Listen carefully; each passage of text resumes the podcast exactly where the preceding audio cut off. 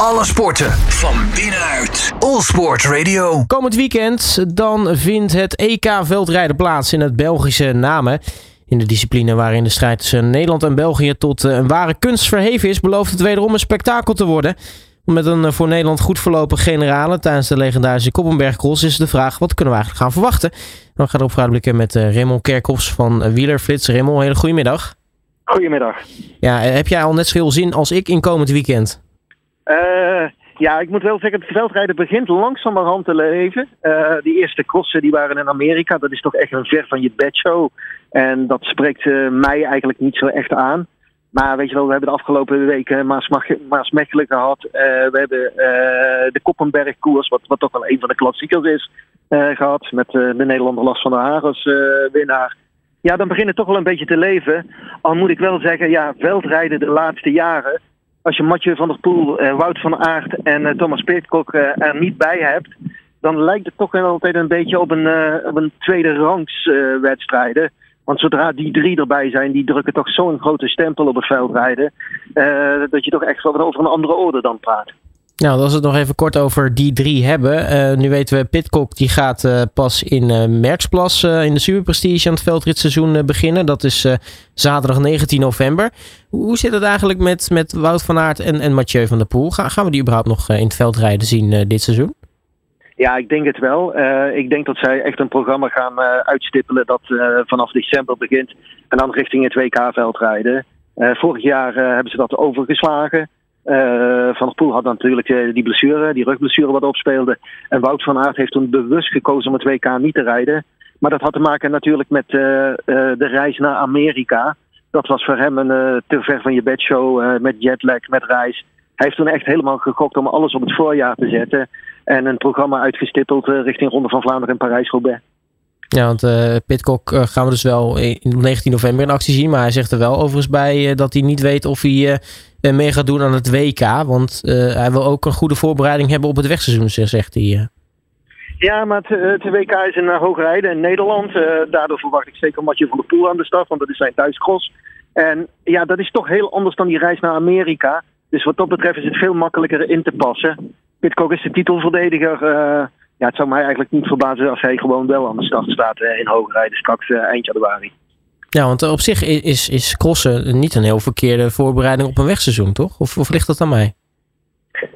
Ja, dat zou je wel zeggen, want als je gaat kijken hoe goed de crossers het op de weg doen. Uh, maar met Mathieu van der Poel en Wout vandaag natuurlijk als uh, grote voorbeelden. Maar ook bij de vrouwen, uh, Lucinda Brandt, dan toch een van de, de heerseressen, Marianne Vos, heeft dat jarenlang goed gecombineerd.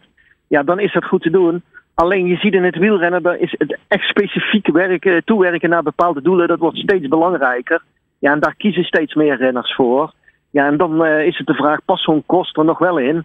Juist omdat die voorjaarsklassiekers uh, voor deze renners steeds belangrijker worden. Ja, als we dan uh, het hebben over het, het EK. We hebben natuurlijk deze week de, de Koppenberg Cross gehad. Een mooie generale op zo'n op zo'n groot toernooi.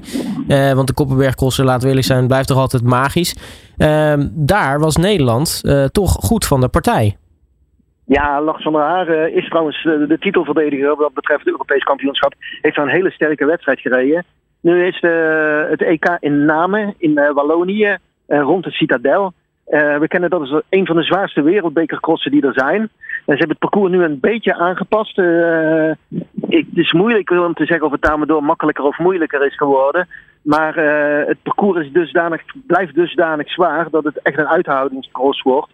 Ja, en dan verwacht ik gezien het deelnemersveld Lars van der Haan nog steeds redelijk goed van voren. Maar ook een Elie Isebert, de Belg die, die dominant tot dusver is in het wereldbekerseizoen. Dat zijn voor mij de twee grote favorieten. Nou, bij de dames uh, ging het ook lekker. Hè? Een, een Nederlands uh, volledig podium met Fem van Empel die hem won. Maar Betsema en Van Anrooy die nog knap twee, tweede en derde werden. Dus, dus dat ziet er ook wel lekker uit. Ja, maar ik geloof dat ik zes of zeven Nederlandse vrouwen kan opnoemen die gewoon Europees kampioen kunnen worden. Bij de vrouwen is het net eigenlijk als op de weg de laatste jaren het geval was. Echt een complete Nederlandse overheersing. Mooi is ook dat je ziet dat Fem van Empel, Sharon van Anrooy, Puk Pietersen. Ja, het zijn ook nog allemaal meiden die onder de 22 jaar zijn. Echt jonge talenten waar je nog jaren verder mee kunt. Ja, en dan heb je routiniers als Denise Betsema, als Annemarie Worst, als uh, Marianne Vos natuurlijk. En Lucinda Brandt, die gelukkig ook kan meedoen, ondanks een klein breukje in haar hand. ja, bij de vrouwen zijn we zo rijk in het veldrijden. Dat is echt ongekend. Ja, nu is veldrijden bij uitstek de sport waarin de rivaliteit Nederland-België een hele grote rol speelt. maakt dat voor jou het veldrijden ook, ook wel bijzonder? Ja en nee. Ik, ik, moet ook zeggen, we hebben ook jaren gekeken naar veldrijden. En dan zagen we een wereldkampioenschap. En de eerste zes, zeven plekken werden alleen maar niet eens ingenomen door Belgen, maar door Vlamingen. Wat dat betreft zie je niet echt het mondiale karakter van het veldrijden. Ja, en dat blijft jammer. De, dominantie van de lage landen en vooral door, van de Vlamingen, om het zo te zeggen, ja, die is in mijn ogen veel te groot. En daar, daar moet de sport echt hard aan werken. En het beste wat de sport ooit zou kunnen overkomen is dat het een Olympische status zou krijgen. Nu zegt het IOC, dan moet het vooral een sneeuwsport zijn, wil het op de winterspelen kunnen plaatsvinden. Ja, het aantal uh, veldrijden dat we met sneeuw kennen, die zijn heel beperkt. Misschien heeft dat ook te maken met de klimaatverandering, want in Nederland en België, waar de meeste veldritten plaatsvinden, nou zien we nauwelijks nog maar sneeuw in de wintermaanden. Maar ja, zo'n Olympische status, dat zou echt hetgeen zijn waar het veldrijden echt hard omschreeuwt. Ja, want ik zou me zo kunnen, kunnen indenken dat er best wel wat landen zijn die renners zouden kunnen afleveren, die nog best wel goede veldrijders zouden kunnen, kunnen worden. Ja, absoluut. als je gewoon naar alle. Als je gaat kijken naar, naar, wie, welke goede wegrenners een verleden hebben in het veldrijden, als je kijkt, uh, uh, Pieter Sagan die in verleden bijvoorbeeld heeft een mountainbike. Als je nu het gravelrijden ziet omkomen, ja, dat is ook over onverharde wegen rijden. Ja, daar, daarin zitten allemaal elementen die in het veldrijden ook terugkomen. Dus de potentie is er wel. Anderzijds mag je je misschien wel de vraag stellen: is het gravelrijden niet zo belangrijk aan het worden dat het het veldrijden straks gaat overtreffen? En dat veldrijden eigenlijk een kleinere afgeleide gaat worden van het gravelrijden? Ja, dat zou inderdaad dan wel kunnen. Want dat, dat is echt een opkomende discipline. Hè? Dus ineens in, in, in nou ja, misschien nog geen, nog geen anderhalf jaar tijd is het, is het echt geëxplodeerd. Ja, en ik, ik, in mijn ogen is vooral die Strade Bianchi, die heeft zoveel indruk op mensen gemaakt. Dat is zo'n schitterende voorjaarskoers geworden. In Toscane, over die prachtige uh, witte grindwegen. Ja, dat, dat heeft het gravelrijden denk ik een beetje op uh, een enorme boost gedaan. Daarna zijn steeds meer koersen ook gaan zoeken naar dit soort stroken. Uh, in Parijs Tours hebben we dat gezien, uh, maar ook in Gent-Wevelgem. Sommige mensen vinden ja, onverharde wegen die horen niet thuis in de wegwedstrijden. Ik vind eigenlijk, ik heb er weinig problemen mee. zeker als je de beelden ziet van een wielrennen van een 100 jaar geleden, vanuit 1920, 1930, 1940. Ja, toen reden ze de kools nog op terwijl die onverhard waren. ik, ik ben er niet zo tegen. Ja, nu uh, zei je al komende, komend weekend, het is een heel zwaar parcours hè, wat we gaan zien in, in, in Namen. Wie, bij wie past dat bij uitstek, denk je? Ja, dan ga je toch kijken ook aan de Koppenbergkosten met, met elke keer die, die, die, die rot Koppenberg, wat toch de, de lastigste, de meest steile beklimmingen uit de Ronde van Vlaanderen is. Uh, ja, dat is ook gewoon een zwaar parcours. Dus Lars van der Haar, die heeft echt wel hele goede papieren.